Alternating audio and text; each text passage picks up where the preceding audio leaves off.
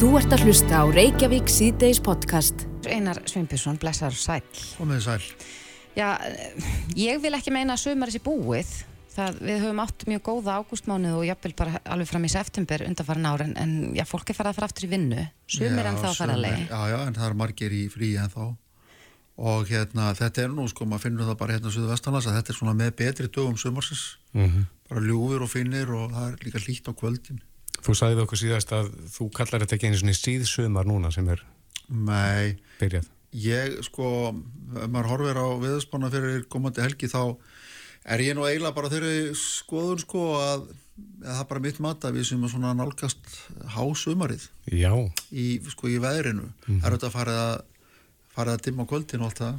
Sem er tengið það sko við það að sé farað hallundan, hallundafætti mm -hmm. Já, sólin aðeins var hann að læka lofti Sólin var hann að læka lofti en, en hún hita nú á daginn ef hún fær frið til þess sem við sáum nú á, á þrömmum þrömm, verðun og eldingaverðun sem gekk hérna yfir í byrjum vikunar Já. á Vesturlandi Já, segð okkur aðeins að því þetta er óvinnulegt eða ekki?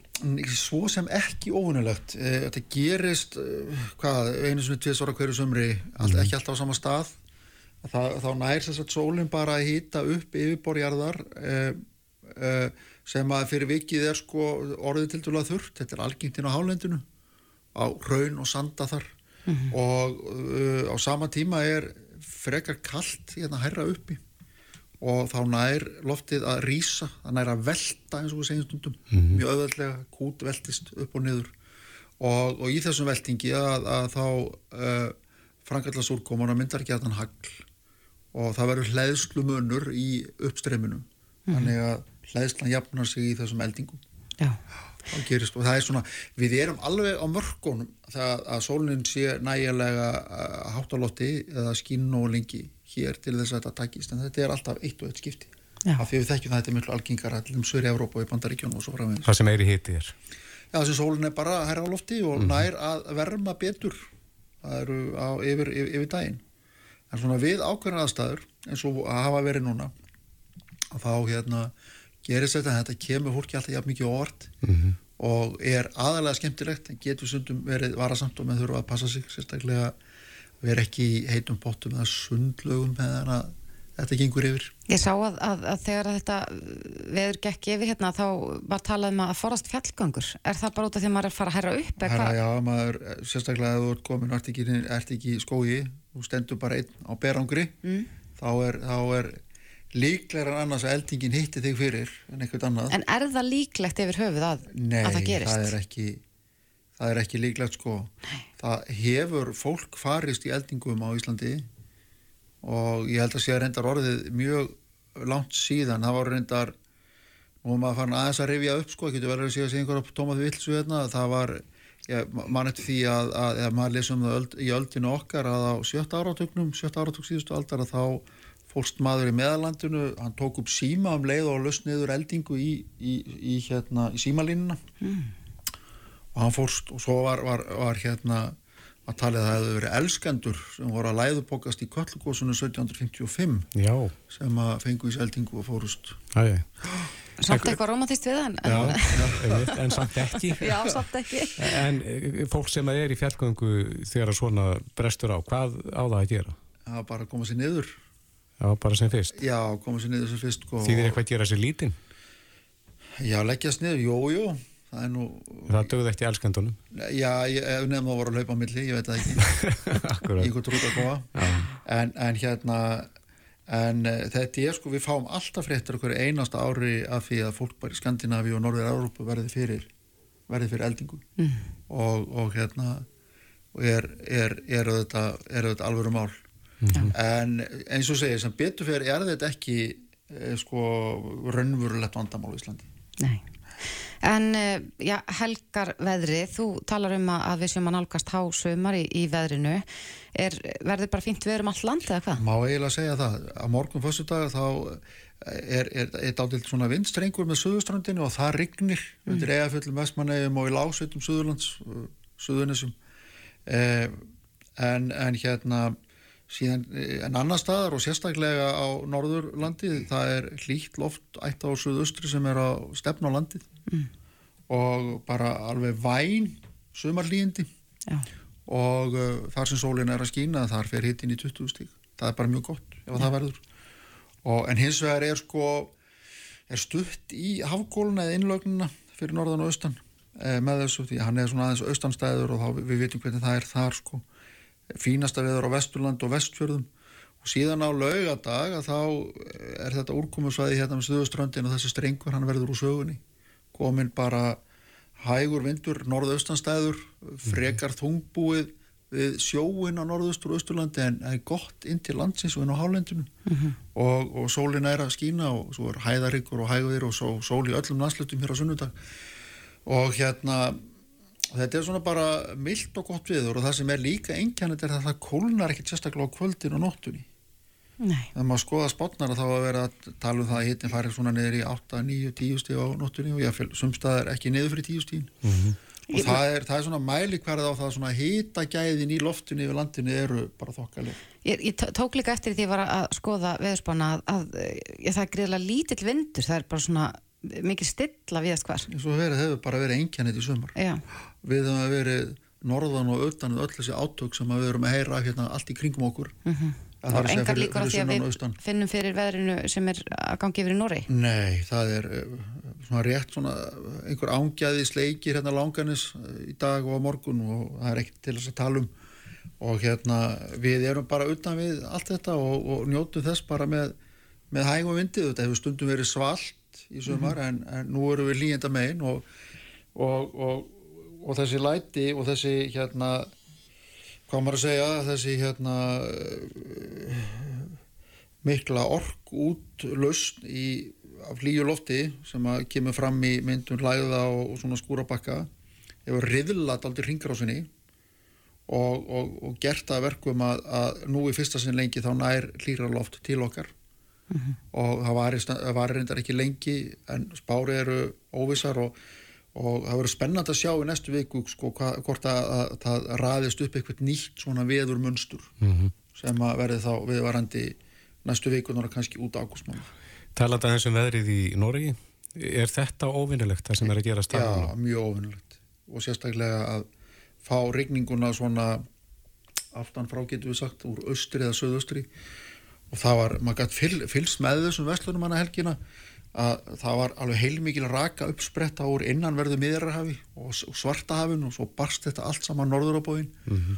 og, og stemdi síðan á fjallgarðin úr söðaustri sem að fjallgarðin í Skandinavíu og þar liftist loftið og rakið þjættist og, og skoplaði niður þessu mikla úrhelli. Tengist þetta eitthvað þínum að hlínun jarðar? Eh, sko, ég er eiginlega viss um það að hafi ekki, hefði ekki verið svona, með þér hafi svona hlýtt og mikið hlýtt, mjög hlýtt loft þarna fyrir sunnan sem að tengist lossasbreyningunum að þá hefði ekki ringt svona mikið. Flóðuð ekki orðuð 50 óra flóð, kannski frekar 20-30 óra flóð. Mm -hmm. Eitthvað, ef, ef það er eitthvað svona, eitthvað samanbyrju mm -hmm. sem henn skilja. Já. En, en, en vandin þarna sko í Noregi er það að þessar, þessi miklu fljót sem að eru austanfjallgar syns þau renna svona, svona til, komu fjöllunum og renna langa leiðir og, vatnið er svo lengi að skýla sér. Það er að tala um að Hámars vassarensli til dæmis í ánum sem að renna, renna í áttina til Drammen fyrir, fyrir vestan Oslo mm -hmm. að Hámars vassarensli þarf að verði jáfnveil á morgun og það er einhverju þremur dögum eftir að stýttur upp sko. Já En við vorum að tala um helgarveðri og, og eins og þú segir að þá erum við, við bara í góðum málum um helgina. Það er fullt um að vera þó að fólk sé byrja að vinna. Það er sumar á Selfossi og svo eru þetta fiskidar og mikla á Dalvík þannig að fólk er að fara á já, svona bæjarháttíðir og fleira þannig að við vonum bara að, að þessi eh, spá standist, ekki rétt? Já, Július á fiskideginum hann var ekkert um að monta sig að við, við mig sko að það, það rignir aldrei þennan dag, þennan lögadag mm -hmm. og svona sjá til hvort að það uh, þrjú lítur út? Já, það eru staðir á, allaveg eins og ég skoða þetta í morgun, þá voru þetta staðir á Norðurlandi sem að voru óvalega, mm -hmm. en það er búið að vera undan að daga býsta mikil blöndun bara hér og þar um landið Já. og, og með þess að komið, komið inn staðjar á topp 10 inn á, á hálendinu og við sjáum núna að, að í augnablíkjunu þá er, er stöðað fyrir restauralistanum og svo sandgerið þar á eftir sem segir okkur það að hérna Þetta er svolítið dreift Þetta er svolítið, þetta er svolítið dreift og, og kannski þurfa mann ekki að vera eldast mikið við spanna með bara fara þánga sem er langar að fara sko. það, þetta er bara þannig helgi. Já, Einar Sveinbjörnsson hjá Blíka.is kæra þakkir fyrir komina og góða helgi þó snemt sé. Takk. Þú ert að hlusta á Reykjavík C-Days podcast. Jæja, kíkjum að svo í umferðina. Já, það má segja það. Uh, Samgöngumál eru þetta oftar, uh, oftar en ekki. Mm. ofarlega bauði hér á landi. Við auðvitað já, búum bara þannig landi að veðrið er oft svona hverfult og, og það er fjallveir við það og því um líkt mm -hmm. um, kannski þessu tengt að þá var nú nýr þjóðarpúls Gallup eða nei fyrir ekki þetta var könnun sem var gerð hjá Prósent og, og var verið að spyrja sko hvaða stefnumál fólki finnst mikilvægast að, að, að mikilvægast að Íslensk stjórnvöld myndi leggja áherslu á í dag og, og þarna eru ja, 24% sem er mhm. ansi hátlutfall sem að vilja leggja áherslu á samgöngumál. Uh, við heyrum oft talað um jarðgangna gerð og uh, óskir um jarðgöng. Við hefum mm til mhm. dæmis heyrt það frá vestmanni en það hafa samgöngumálinn þar oft bara sennilega leiði niðri ef, að, ef að ekki viðrar vel. Einmitt og nú hefur Guðmundur Fertram, Sigur Jónsson uh, fórstur í Keresis uh, blanda sér í þessu umræðu, hann skrifaði er það ekki umsögn um uh, samgöngu áallin Jú, hann gerir það. Hann kallar eftir sex nýjum göngum, uh, þar af fimm á vestfjörðum og einum undir bröttubrekku og uh, varpar þarna líka fram sko, hugmynda svo kallari vestfjörðalínu sem að tengir byggðalögin á vestfjörðum með lálendisvegi við vesturland og þar með höfuborgarsvæðið. Og hann talar um þetta sko sem nöðsynlegt skref fyrir hans fyrirtæki meðal annars? Já, bara atvinnu lífið á vestfjörðum sem hann segir að hann talar um að uppbygging, uppbyggingin sé að hann sé hröð og uh, það bárast nú fréttir að því en daginn þegar hann seldi Keresis mm -hmm. og uh, að það muni markvalda framlösluna á einhverjum tímpunkti og þá þetta þurfa samgöngur að vera lægi. Já, við horfum oft öfundaraugum á frændur okkar færiðinga. Já. Þeir við að skunna þetta betur en margir aðrir. Já, en, en ætli þetta sé gerlegt, hversu mikið myndir slíkt kost og ætli, ætli sko, já, aðferðirna séu alltaf að verða betri og betri við, við uh, gerð jarðgangna? Já, já, pilótir þið. E, á línun er Vilhelmur Átnarsson, formaður samgöngunemdar Þingsins, kom til sæl. Já, komið sælublesuðu. Það er kallað eftir göngum hér og þar. Hvar stöndum við Íslandika þegar það kemur að jarðgangna gerð? Já, við stöndum náttúrulega bara í kyrstuðu þar því miður. Það hefur ekki verið borugöng núna í, í nokkur áraða síðan dýrafæðagöngin kláruðust sem er ekki vel. Og, en það er mikil eftirspurning svo því komið inn á heldur bara í öllum landslutum eftir jargöngum. Og, og eins og við komum inn á þessari könnun líka þá er þetta bara eitt dæsta grunnþjónustu málið okkar að það eru samgöngunir. Mm -hmm. og mér finnst ná oft umræðin um þessi göng og kostnæðin og annars líkt það er svolítið hvað búa fáir út um landið og hvað hérna hvað þetta kostar per íbú og annars líkt en ég held að við hefum frekar að horfa á þetta svona eins og Guðmundur og fleiri er að benda á að þetta er svolítið fórsönd fyrir uppbyggingu á atvinnulífin að góðar samgöngur bæta vissulega búsittu skilir í fólksins og fær þá líka fleira fólk sem vilja búa á svæðunum og starfa við því störf sem þar eru. En þetta eigur hagvöld fyrirtækjana og vaksta tækifærin. Þannig ég hugsa bara meðan við erum ekki að gera þessi göng og aðra samgöngubætur að þá er alveg ótrúlega mikil verðmætti óútleist á þessum, í öllum þessum landslutum hérna, þingin í kringum landi þar sem að hérna, verðna bara séð sem séð að verðmættin verða nú til. Þar sem að sjáurótugurinn og landbúnaðurinn og, og nýsköpunin eins og kerisis og, og hérna allt það sem er að gerast á sögurkröki, syklufyrði og grindavík út um allt mm -hmm. þar sem er að fullvinna úr þessu. Þetta eru álframlegundunir líka og kísillin og allt þetta kísilmálmurinn og allt þetta. Þetta er allt gert út um landið Og, og þetta er útflutningsverðmætt íslenska þjóðar og það er, ég held að sé enda mikið af slíkum verðmættum óutleist sem að munu, við munum geta leist út með aukinni jargafnagerð og bara samgöngubótum almennt. Viljum við þú tala um kostnæðið við þetta sem hefur nú verið hárið gegnum tíðan, er, er hann ekki að minga samt? Er ekki tæknin orðin önnur heldur en hún var bara fyrir fáinum árum síðan? Tæknin er orðin miklu fjölbreyttari og við stannum miklu meiri möguleikar í því að bóra eða leggja flótgöng eða botgöng og ímislegt sko, þannig að að, að þróunin er þarna eins og annar staðar, hægt að gera meira fyrir minna. Og, og svo er líka bara þekkingin, veist, því fleiri göng sem við gerum í Íslandi því betur læru við Íslands jarðlög og annað slíkt. Og hérna og reynislan er líka bara svo að, að því fleiri hérna, samgöngum mannvirkir sem gerum því arð sem er verðaðau sko. og hérna við sjáum það alltaf að, að umferðin er alltaf meira en búið fyrir við fyrirfram í gegnum þessi mannvirki og þau verða hagkvæmari heldur en hagkvæmis útreikningarnir stóðu að áður. Sko. Akkurat.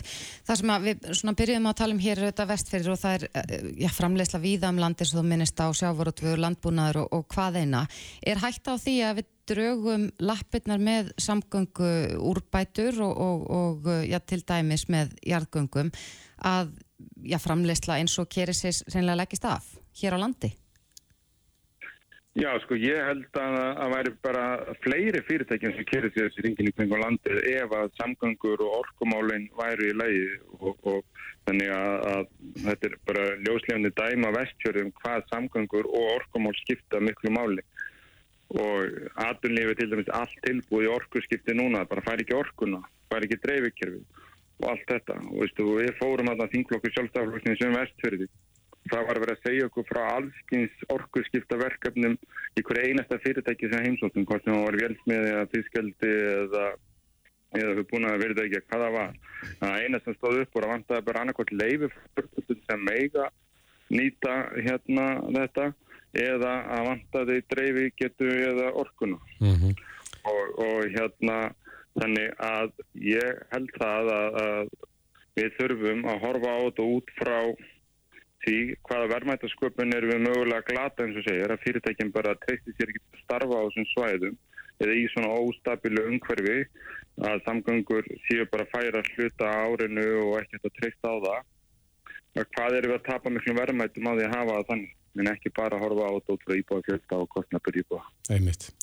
En talandum jargöngin uh, það er ekki búnað til í landinu til þess að bóra hann var seldur landið þyrst að vera til hérna bara almennilega búnað til þess að að geta farið bara úr göngum í göng?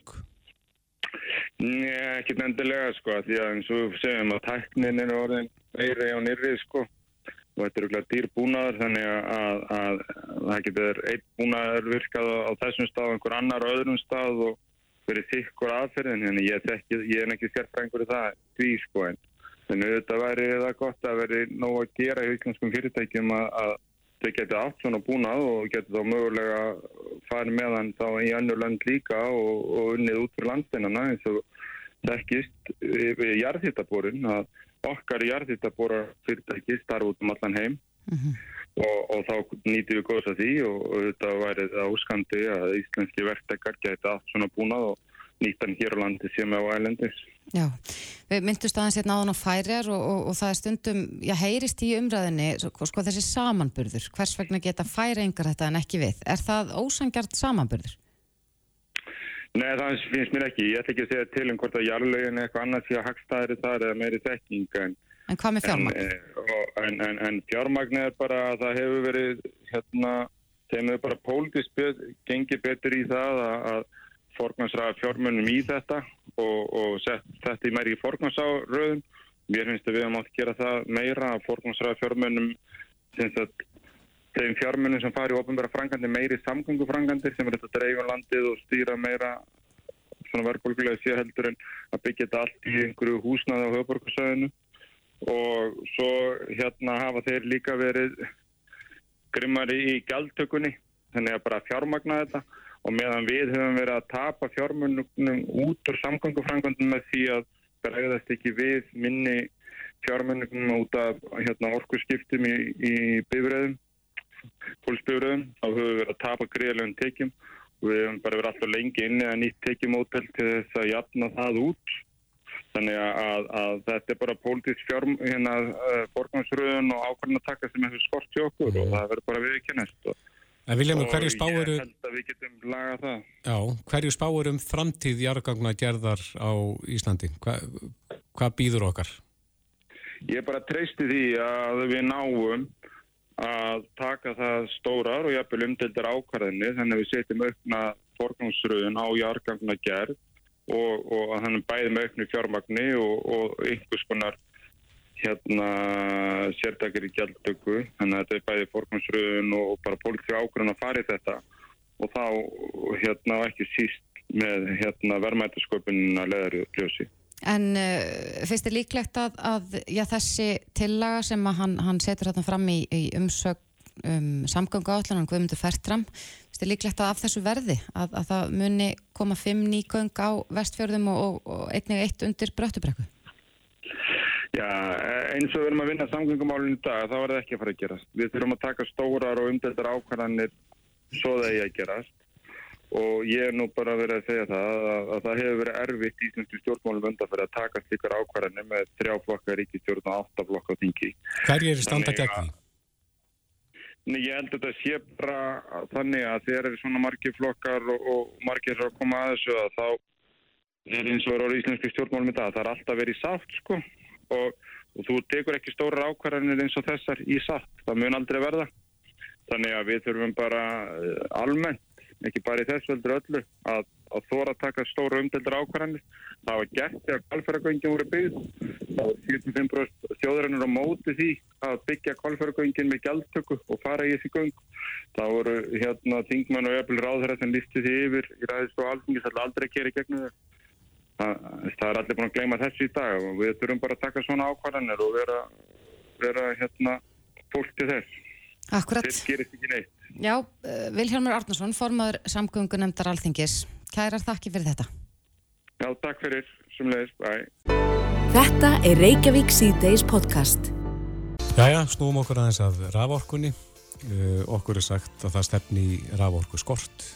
Já, þetta er ansi, uh, já þetta er ekki góða frettir, sjálfsögðu. Það var talað um þetta uh, meðal annars í, í morgunblæðin í dag og það segir að, að það megi segja að raforka á Íslandi sé nánast uppselt. Þetta segir hún Sigriður Móhansson, sviðstjóri yðnar og hugverkarsviðs hjá samtökum yðnarins og uh, já, þetta voru í raun og veru viðbröð við því sem að hann Hörður Arnarsson, forstjór landsvirkjunar sagði í viðskiptablaðinu sem byrtist á föstudaginn að, að það stemdi í orku kreppu á Íslandi bara á komandi árum ef að ekkert yrði aðhafst. Já, þetta eru stór orð og, en það er spurning hvort að fólk átti sig á því hvað gerist ef að hér verður orku skortur. Hvaða sviðsmyndir getur við séð fyrir okkur? Já, hún er sest hjá okkur Hallar Hund Lóadóttir, orkumála stjóri. Bless og sæl. Sæl og blessu. Já, vi- við viljum nú ekki vera með ykkur að dómstagsspá hérna en, en, en þetta er auðvitað ansi, já, dökk sviðsmynd sem er máluð upp þarna. Eh, er, er þú ávikið full stöðunni? Það er alveg rétt sem kemur fram í morgunblæðinu að uh, svo orka sem er framleitt í kerfinu í dag, henn er í raun og veru fullu ráðstafað að mestu, þannig að því leitum að segja að, að kerfi sé nánast uppselt. Um, og þar að leiðandi er uh, ásókni meira frambóð og vissulega tekur langar tíma að byggja nýjar virkjanir. Þannig að þetta er svona ákveðin uh, tímafaktor sem að spila þarna inn í til að, að bregðast við ólíkum stöðum sem eru uppi hverju sinni. Uh, hins vegar er líka áhugavert að velta fyrir sér í inn í hvað tímabil við erum komin í í dag. Við erum komin inn í tíma þar sem að græna orkan er ólíja framtíðarnar og það er allt önnur eftirspurn eftir orkun okkar heldur en var til dæmis áður.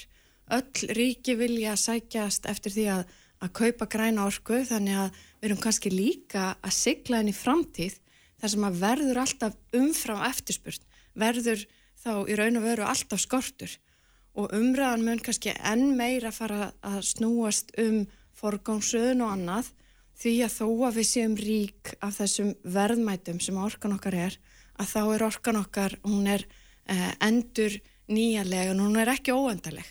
Þannig að, að við þurfum að vanda okkur og fe- fara vel með á sama tíma og við bregðust við aðstæðum hverju sinni. Þú segir ekki óendanleg, hva, hvaða orka getur klárast? Í raun og veru er þetta spurning bara að við erum að byggja upp orku kerfið okkar í tengslum við vassafl, jarðhitta og nú er vindur á dagskrá. Í stjórnvöldum að máta stefnu í kringum það. Og það eru ákveðna takmarkanir sem að tengjast í hversu mikið verður nýtt af þessum auðlendum sem að tengjast bara landsvæði og hafsvæði og annað. Þannig að, að þetta eru ákveðin gæði. Þó að við séum ríka þá líka er margt framöndan í framtíðin eins og orkuskipti og annað sem að kallar á tölvert mikk marga orkukosti ef, ef svo má uh, horfa á þannig að það er ekki óendanleir möguleikar mm -hmm. hvað var þar framtíða nýtingu og, og þetta búið að nýta mikið líka henga til. Já, en eins og minnist á og, þá, þá já, verður þessi græna endurnýjala orka sem við eigum hér, hún verður já, ólíja framtíðarinnar og, og, og eins og hún segir, Móinsson segir hér í morgunblæðinu að, að já, við erum búin að setja okkur markmið um að skipta út í efna eldsneitinu og það þýðir þá að við þurfum að, að búa til meiri orku vegna þess að við ætlum að skipta því út fyrir hitt. Hvernig förum við að því, er, er það hægt án þess að virka meira? Mm. Í raun og veru að við erum að horfa á sagt, að, að uh, núverandi orka er bundin að mestu í samningum að þá er verið að horfa á uh, aukna framlegslu uh, til þess að mæta aukinu orkuþörf meðal annars vegna orkuskipta. Reyndir er orkuþörf orkuskipta mjög mismunandi, hún er uh, lítil fyrir samgöngur og landi en meiri fyrir fiskiskipin og, og svo langmæst fyrir flugið. Þannig að ef við erum að tala um að, að, að bæta við framlegslu fyrir orkusskiptin þá þarf að huga því en það er líka mikilvægt að horfa á það er svo mikil samkeppni líka meðal ólíkra kaupenda og það var til dæmis verið að ræða um landsbyðina í þeim greinum sem þú vísaður í og það er ekkert sjálf gefið að besti kaupandin sem verði ofan á verði orkuskipti. Þetta eru viðskiptalega ákvarðinir sem eru teknar á orkumarkaði þannig að við munum aftur sífælt horfa meira á í raun og veru eh, hvert orkan kannski er að fara. Þetta, þetta eru ólíkir hagsmunir sem að skila allir verðmæti fyrir hækjörun okkar eh, en sumir eru kannski meira í takt við markmið stjórnvalda. Þannig að hvernig sköpum við kvata til að passa upp á að orkan rati að hluta í orkuskipti ásamt því að við séum að stöðla heilbrið aðtunlífi. Þetta eru leikil spurningar. Svo ég tala nú ekki um leikil máli eins og rávorku örki heimila sem að er líka heit kartabla hvað þetta verðar. Þa, það er ekki til lögum sem að tryggir að heimilin kanti fyrir? Það er raun og veru varða þannig til 2003 að landsyrkjun bar þá ábyrð Mm -hmm. En eins og hörður fjallarum í, í, í greinsinni að þá var því breytt og það hefur ekki verið útfært eh, full, með fullægandi hætti í lögum. Þannig að það er þannig í dag að ef að það er í raun og veru orkuskortur vegna eldgós eða einhverja náttúrahamfara eða eitthvað svoleiðis að þá er skýrt að, að það er ákveðin forgánsröðun eh, eh, ef að það kemur til svoleiðis hamfara. Mm. En ef, ef við erum að tala um bara eh, samkeppni mm. þar sem að að orku uh, uh, sölu fyrirtæki ákveður að selja gagnaveri eða álveri uh, umfram heimili að þá er ekkert sem að ver heimilin gagvar þeirri samkjöfni. Nei, en hvaða sviðsmynd er að horfa upp á ef ekki verður virtið meira? Hvað, hvað, hvernig verður samfélagið þá?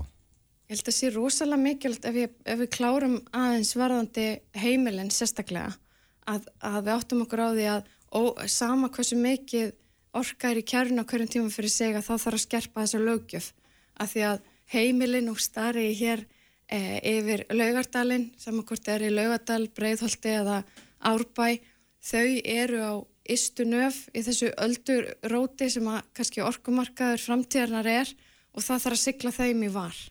Síðan er spurningin í raun og veru varðandi e, framtíðarvirkjanir og eru, þar eru við að horfa á virkjanir til að mæta orkuþörf í samengi við orkuskipti og svo í samengi við atunlíf og þar eru mikilvægar pólitískar ákvarðanir. Því að þetta eru pólitískar ákvarðanir í raun og veru hversu mikið er nýtt í gegnum rammaállun og annað. Og þær geta haft uh, afleðingar fyrir uh, atunu uppbyggingu fyrir uh, hvernig okkur gengur í orkuskiptum og annað en, en það hvernig við mótum kvata og svo framvegis það er eitthvað sem eru stóru spurningarnar mm. á mhm. borði stjórnmáluna. En hversu alvarleg getur staðan orðið? Ég held að skipti miklu máli að horfa það að við nótum raforku í allt sem við gerum. Raforkan knýr samfélagið, saman hvort það er hér á höfuborgarsvæðinu eða á, á, á landsbyðinni, í, í, í, í hálóftunum eða á hafi.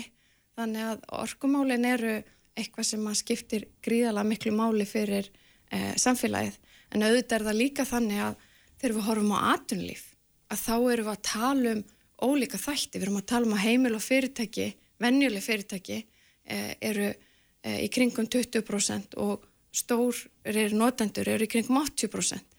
Þannig að, að það eru auðvitað mjög mikið af ráorku framleitt á Íslandi.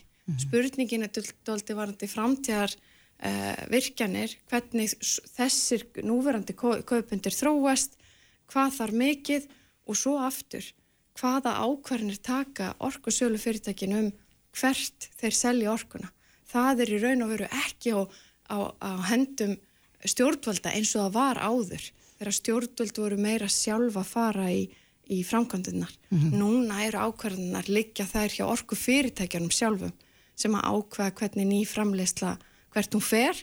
Og undarförnum árum, ef við lítum á til ásins 2015, þá hefur stærstur vöxtur verið til gagnavera. Og þá er það væntalega vegna þess að þau bjóða gott verð til fyrirtækina. Já, við vorum að velta eh, þessu upp hérna áðan áður en þú settist hjá okkur halla að, að sko hvaða aðra leiðir í bóði, það er alltaf að tala um virkjanur og það er auðvitað mjög ólík sjónamið sem að, að takast á, uh, náttúruvernd og, og annað slíkt. En eh, ef að við myndum bara fara í eitthvað svona samhend áttak sem þjóðar einn að spara inn á heimilum okkar að ekki alltaf vera að skilja eftir kveikt ljós þegar maður lappar út eða hvaðina myndi það duga til að, að koma til mótsveðis að þróun eða hvað getur við annað gert heldur en að virkja? Já, þetta er áhugari punktar. Í, ef við horfum á heimina þá er það mjög há, há prósenda á heimsvísu sem við getum náð fram með því að einlega tækni sem að stuðlara bæ, bættri orku nýttni. Við getum gert mjög mikið þar en það mun ekki næja til að mæta uh, stórri þörf þegar við verum að horfa á orku þörf, þörf sérstaklega flugs uh, og, og og sömu leiðis fiskiskipa. Þannig að þá eru spurningarnar um í raun og veru hvernig á að mæta þeirra orku þörf og það er þrengt. Það er í gegnum nýttni og nýsköpun sem að kemur einn þar. Það er í gegnum breytingar á núverandi kaupendum. Ef það er núverandi kaupandi sem að hættir viðskiptum og það er að selja núverandi orku eitthvað annað. Ef einhver starfsemi hættir eða eitthvað slíkt þá er þetta eh, losnar um orku sem að mæti þá selja eitthvað annað og síðan eru það nýjar virkjanir. Það er í raun og veru þessar þrjár sviðsmyndir. En ég held að áskorunin sem að muni verða miklu meira ábyrgandi er að, að það er oft talað um að virka fyrir orkusskipti eða mhm. virka fyrir landsbyðina eða virka fyrir þetta og það er alltaf eins og kerfi var en eftir að við höfum innleitt regluverk Evrópasambatsins þá eru þetta, þessar ákvarðanar eru teknar á frálsum markaði Þannig að stjórnvöldur á miklu meira að horfa á hvaða regluverk og hvata e, þau skapa til þess að stuðla að ákveðnum pólitísku markmiðum saman hvort að það eru orkusskipti, landsbyðin eða eitthvað annað. Já, þetta er eh, eins og segir, við erum með svolítið að horfa inn í framtíðin en, eru eh, stjórnvöld, erum við of lengi að bregðast við? við nú er búið að vera að tala um yfirvofandi raforku skort í dágóðan tíma og við erum að komast á okkur tímbúnd þar sem að það er að tala um að, að raforkan verði uppselt hefðu við átt að bregðast við fyrr? Ég held að það sé aftur mikilvægt að átt að segja á að það verður alltaf skortur ef við bætum við fimmverkjum í viðbót þá munu orkuna þeim selja strætt upp af því að það er mikil eftirspurn og þá eru aft komin í orðið skort sem er kannski doldi villandi, það er bara stöðugum fram eftirspurn og pólitiska umræðan er kannski hvernig eigi, hvort, hvort að það eigi alltaf að vera umfram frambóð mm. og hvað það þýðir þá. Það þarf ákveði jafnvægi auðvitað milli náttúru og nýtingar því að báðar þessar auðlindir er að vaksa í virði núna á tímum loflasbreytinga. Eh, þannig að ég held að það sé eitthvað sem er mikilvægt að hafa í huga. En auðvitað skiptir gríðarlega miklu máli að vera stöðugt með puttan og púlsunum varðandi alla svona grunn innviði. Því að aftur það eru þeir sem að halda samfélögum gangandi, þetta er eitthvað sem skiptir máli varandi samkeppnishæfni sveitafélag og annað. Þannig að, að uh, við þurfum stöðut að, að vera að, að skoða þessi mál og breðast við þeim. Og ég held að sé mjög jákvægt, minna við sjáum það til dæmis varandi ráorkuðuryggið, ráð þeirra hefur lagt mjög miklu áherslu á það og, og ég vona að fara í annað frumvart fyrir þingið haust en við sjáum það sama varandi hýtaveiturnar sem eru annað stórt málefni sem að þarnast mikill að skoðunar og fjár, auka fjárfestingar að þar hefur á þeirra verið að setja auki fjármagn sem að e, við eru nú að horfa á ráðstafaði gegnum orkusjóð þannig að, að það þarf stöðt að vera að horfa á þessu mál og bæta regluverk, eh, endurskoðaferla og annað þannig að hlutinir gangi vel fyrir sig og, og þjóni samfélagin sem best. Hefur þú sem orkumála stjóri áhyggjur af stöðinni? Ég hef áhyggjur af uh, rávorkuður ekki heimila, fyrst og fremst, uh, eins og staðan er núna, því að þegar að það ber engin sérstaka ábyrð á því að sinna þeim hópi eða það er engin tæki og tól sem að stjórnvöld hafa alltaf að grýpa inn í. Vilt að þessu verði breytt á þingi? Það þarf að gera það, já. Og það er mjög mikilvægt að, að, að stjórnmálinn taki það í sínar hendur sem fæst og verum í ákvæmnu eh, dauðafæri við að gera það núna. Það eru heimildir til þess innan regluverk Európa-sambandsins og þetta er leikil hagsmunamál fyrir heimilin, bæði hvað var þar orku öryggi en líka varðandi verð því að hvað gerist þegar það er skortur eh, til, eh, á einhverju hópa þá eru við að tala um auknar verðsveiflur og ég held að það sé, eh, séu aðstæður sem að enginn eh, vill að við séum að horfa fram á. Nei, við skulum vona að kjörnir fulltrúar sé að hlusta og, og svari kallinu að það þarf lagabreitingu til þess að tryggja já, orku öryggi á heimilum landsins en Hallar Hund Lóadóttir, orkumála stjóri, kærar þakki fyrir kominu. Takk. Þetta er Reykjavík C-Days podcast. Við höfum farið yfir niðurstöðu könnunar sem voru með henn á vísi.ri síðasta sólarhengin. Já. Það sem við spurðum um áhyggjur fólks af afdrifum íslenskara tungu. Já, í ljós koma við erum ansi áhyggjufull upp til hópa. Já, 80% hafa miklar eða nokkrar áhyggjur af afdrifun tungunar en uh, restinn 20% litlar eða engar. Já, í gær var nú mikið talað um rúmfattalagurinn en það bárust fréttir af því að, að rúmfattalagurinn verði jusk, ég held að maður er að segja jusk, mm -hmm. frá og með lokum september. Það er ekkit langt síðan að sagt var því að, að drikkurinn, sótavatni toppur sem að, að eh, við þekktum öll, eh, heitir núna Bon Aqua mm -hmm. og svo er talað um já, svona íslensku í almannaríminu, eh, hvort sem það er í leifstöð eða, eða bara á, á skiltum viðsverðan landið að, að þar er oft ennskan í fyrirrumi og jafnvel reynilega á matseðlum já. sem eru bara í bóða á ennsku mm -hmm. og eins og þessi konun gefur til kynna þá eru margir áhyggju fullir yfir þessu.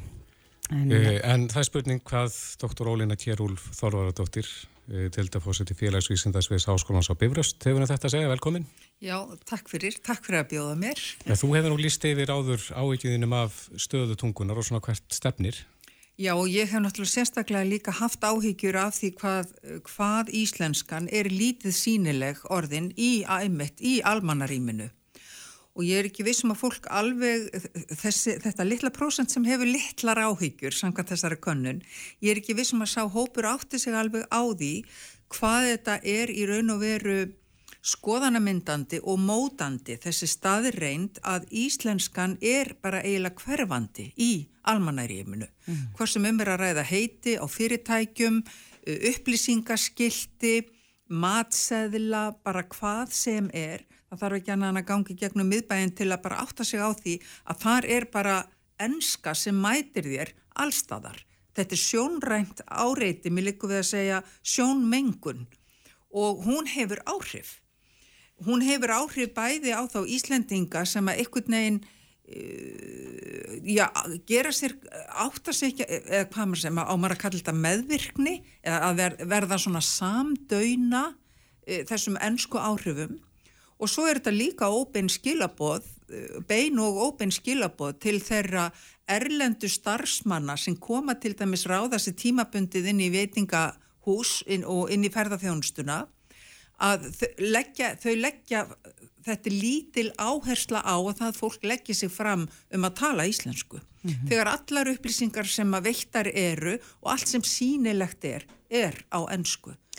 Við rættum það eins hérna áðan, Ólína, að eh, já, við höfum sko, umræðunum það að, að íslenskan einundur högg að sækja, hún á svo langa sögu. Er, eru áhugirnar meiri núna eða er, er sko, meiri ástæði til þess að hafa áhugjur núna heldur en bara hérna fyrir einhverjum árum síðan þegar kanasjónvarpið var nú aðal áhugjefnið þessu? Já, ég myndi segja að það veri mun ríkari ástæða til að hafa áhyggjur núna, menn hérna, urðu áhyggjufullur já, já, þegar kanasjónvarpið var og þegar allt, þegar flæ, flæ, var ta, tala var um að hér flætti allt e, menningarefni inn á ennsku í gegnum sjónvarpið um tíma en nú er þetta orðið á miklu, miklu starri og meiri skala. Nú er bara menningarefni ekki bara í gegnum sjónvarp, það er í gegnum tölvuleiki og eiginlega allur aðþreyinga yðnaðurinn er orðin ennsku mælandi og e, samsetning íbúana á Íslandi er orðin allt önnur heldur og nú var á dögum kanasjónvarpsins. Nú er bara um það byl 15 eða 14 íbúa á Íslandi frá, frá einum tíma til annars af Erlendu bergi brotin. Þannig að það, það hefur líka sett að segja ört vaksandi ferðarþjónusta sem ekki er að sinna þessum málfarslegu áherslum og, og, og gengur bara inn í þennan enska málheim til að þjóna erlendum ferðamönnum. Það, það er orðið svo, það er orðið svo mikil brauð af því núna að sko ástandið er orðið allt annað heldur en það var fyrir bara 30-40 árum síðan mm. og hér er í raun og veru það er ekki hægt að stemma stígu við þessu nema það takist að samhæfa bæði hérna að, að vekja sko bæði almenning til vakningar um þetta og standa með stjórnvöldum og brína þau til þess að grípa til aðgerða og ég held til dæmis að það sé bara orðið tímabært með lagasetningu að, að, hérna, að reyna að grýpa í taumana. Hvernig þá? Hvernig geti væri hægt að breyta lögum þannig að... Já sko, lögum hefur nú oft verið breytt varð, varðandi þessi, þessi mál. Hvaða lögum þarf að breyta? Og til dæmis þá held ég að ég fari rétt með það að á sínum tíma þá hafi það verið lagaskild á Íslandi að til dæmis fyrirtæki, íslensk fyrirtæki héttu íslenskum nöfnum. Það er dottið út úr lögum núna. Mm -hmm. Það sem einu sinni var getur orðið aftur. Það má vel hugsa sér það fyrst að það er í gildi málstefna sem er sett af stjórnvöldum og alþingi Svo stefna gengur út frá því, gerir ráð fyrir því að íslenska sé fyrsta mál og ríkjandi mál á öllum sviðum íslensks samfélags. Þessari málstefnu hefur hins vegar ekki verið framfyllt nægilega vel og fólk er sér mjög eh, misvel meðvitað um þessa málstefnu. Sveitafjölugin eigast til dæmis sjálfa setja sér málstefnu í anda þessara markmiða Ópenbæra stopnarnir eiga að gera það, skólanir eiga að gera það En, en það er allur gangur á því hvernig, hvernig því hefur verið framfyllt og það er ekki nema lítið hluti sveitafélaga held ég sem er ennþá komin með til dæmis málstefnu. Já, en þurfum við að hafa hraðar hendur? Hversu langan tíma tekur það hennilega fyrir bara tungumála að deyja út ef maður horfir bara, bara mjög svarsinn? Já, það tók írskuna 20-30 ár það tók tungumáli sem talað var á Hjallandsegjum uh, fram á 19. öld, Norn, tungumál sem hitt Norn, það tók það 30-40 ár. Mm -hmm. Og hvað hefur íslenskan verið lengi í útrýmingar hættu? Við skulum líka, við skulum líka bara svolítið líta tilbaka. Hvað höfum við mikið svigurum?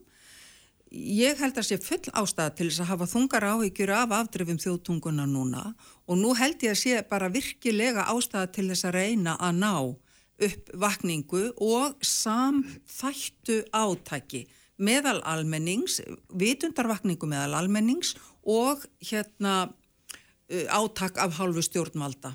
Helst að þetta tent geti haldist hönd í hönd. En heldur að sé áhugi hjá stjórnmálamennum að, að breyta lögum? Já, ég hef nú fulla trú á því að, sko, að íslenskir stjórnmálamenn láti sér andum um íslenska tungu. Hins vegar er auðvitað ekki sama hvernig gengið er til verks í sambandi við þetta. Uh, það þarf að gæta þess að það sé gert að fullir í virðingu fyrir þeim samfélagshópum sem eiga ekki greiðan aðgangað íslenskri tungu, mhm. íslensku ritmáli og eiga hafa það ekki fyllilega á valdi sínu.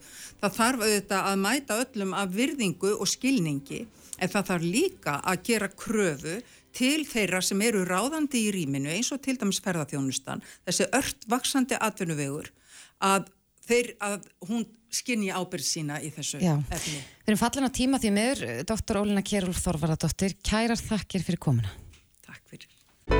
Reykjavík síðdeis á Bilginni podcast.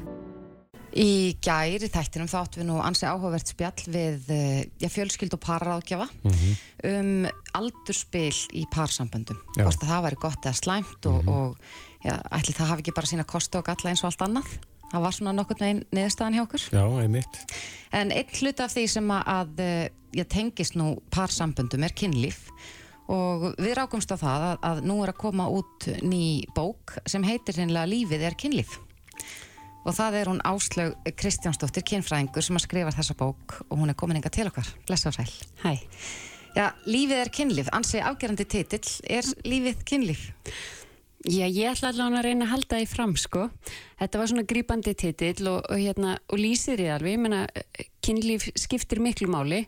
Það verður oft líf til úr kynlífi.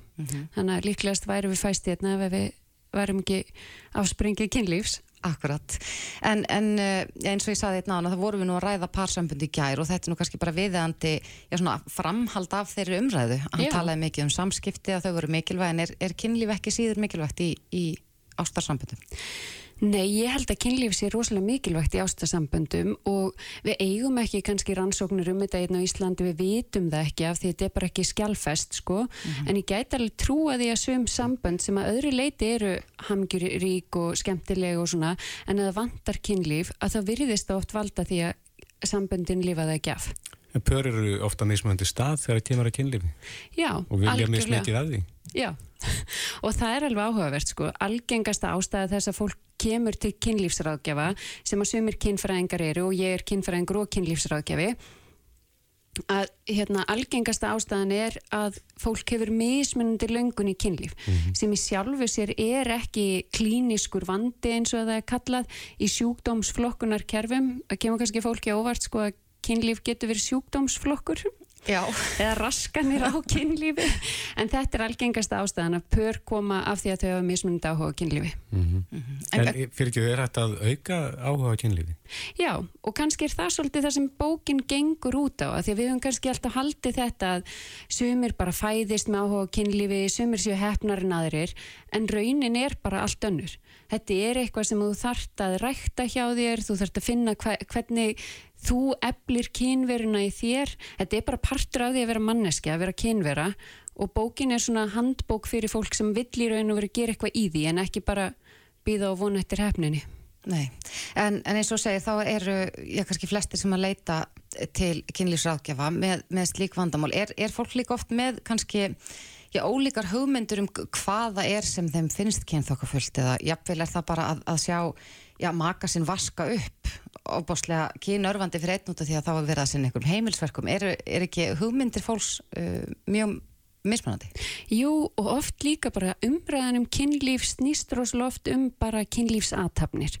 En einmitt, þetta er miklu, miklu stærra og þar kemur aftur í titilin sko lífið er kynlíf af því að allt sem hún gerir í lífinu hefur áhrif á kynlífið. Þannig einmitt, að vaska upp getur haft áhrif, það getur líka ekki gert það, en allt sem hún gerir sem er hjálplegt í lífinu, sem ve- veldur hamingu, er líklegt til að hafa góð áhrif á kynlíf. Svefn hefur áhrif á kynlíf, næ- næring hefur áhrif á kynlíf, en við tölum svo oft um þetta eins og þetta sé einfalt og þetta snúist um stellingar. Akkurat. Ég rakst að það uh, á netinu bara áðan því ég var að, að lesa mér hans til um bókinu og um þig að þú til dæmis talar um það að já, streyta, mikil streyta í lífi, get, í lífi manns geti haft uh, já, neikvæð áhrif. Já, já, mjög neikvæð og við vitum það náttúrulega, við erum að tala mikið um kulnun, hún hefur slæm áhrif á okkur sem manneskjur sko, en hún hefur jafn slæm áhrif á kynlífið.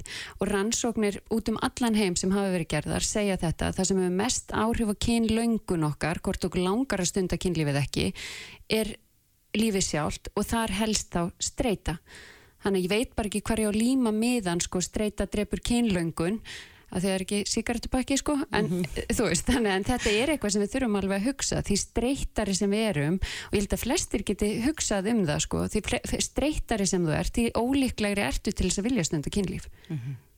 En, en í parsambundum, já, nú er oft talað um mikilvægi þess að bara eiga samskipti, að tjá tilfinningar sínar og allt þetta.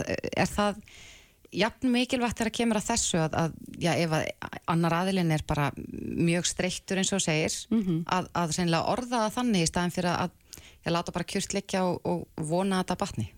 Já, ég held að þessi stórhættulegt að láta kjörtleiki og vonaða batni Þannig að ég held að það skiptir rosalega máli að tala um þetta og það eru leiðbynningar í bókinu um það hvernig maður getur talað um þetta að ég hef alveg heyrt það inn á stofu hjá mér sko að fólk er að segja svona við mig já þú veist ég er búin að lesa um það maður er bara að tala um kynlífið og þá lægist það hvernig gerir maður það?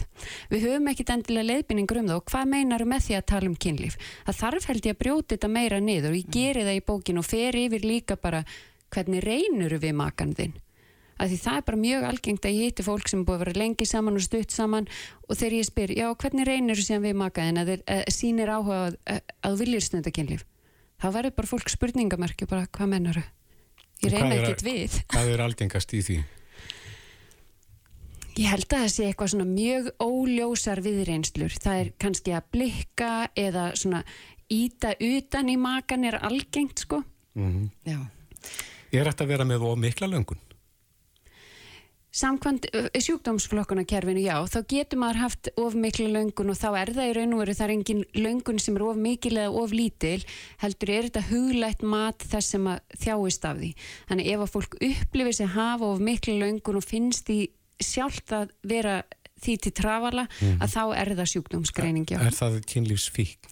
Nei, orðið kynlífsfík finnst ekki í sjúkdómsflokkunar kerfunum mm. sko, flestir kannski segja sem koma tímin og upplifaðir hafa ómikla löngun, segja ég er með kynlífsfík ég er búin að lesa mér til um það og ég er ekkert eitthvað, já það er nú ekki til ég er ekkert eitthvað að leiðrétta fólk um það hvernig ég líður mm -hmm. en þetta, er, þetta heitir bara óhófleg kynlöngun Já, en eh, já, bókin, hún er komin út. Hún er komin út, kemur fyrir út í dag. Fyrir hverja er hún? Er hún bara fyrir pörsum er að glíma vandamál í, í sínu parsambandi eða í, í tengslu við kynlífið eða bara alla? Ég myndi segja hún væri fyrir alla. Ég held þetta sé bara fyrir allt fólk sem langar að vera í langtíma sambandi. Eitthvað stað las ég held ég skilgreiningu á langtíma sambandi að sem er einn tvö ár Já. Þannig að ef að fólk langar að vera í langtíma sambandi þá held ég að þetta sé góð bók. Ég held að þetta sé brilljant eh, svona uh, brúðköpskjöf. Já, akkurat. Þetta er spennandi. Áslög Kristjánsdóttir, kynfræðingu, til hamingi með bókina og, og gangið er vel. Takk fyrir. Hlustaðu hvena sem er á Reykjavík C-Days podcast.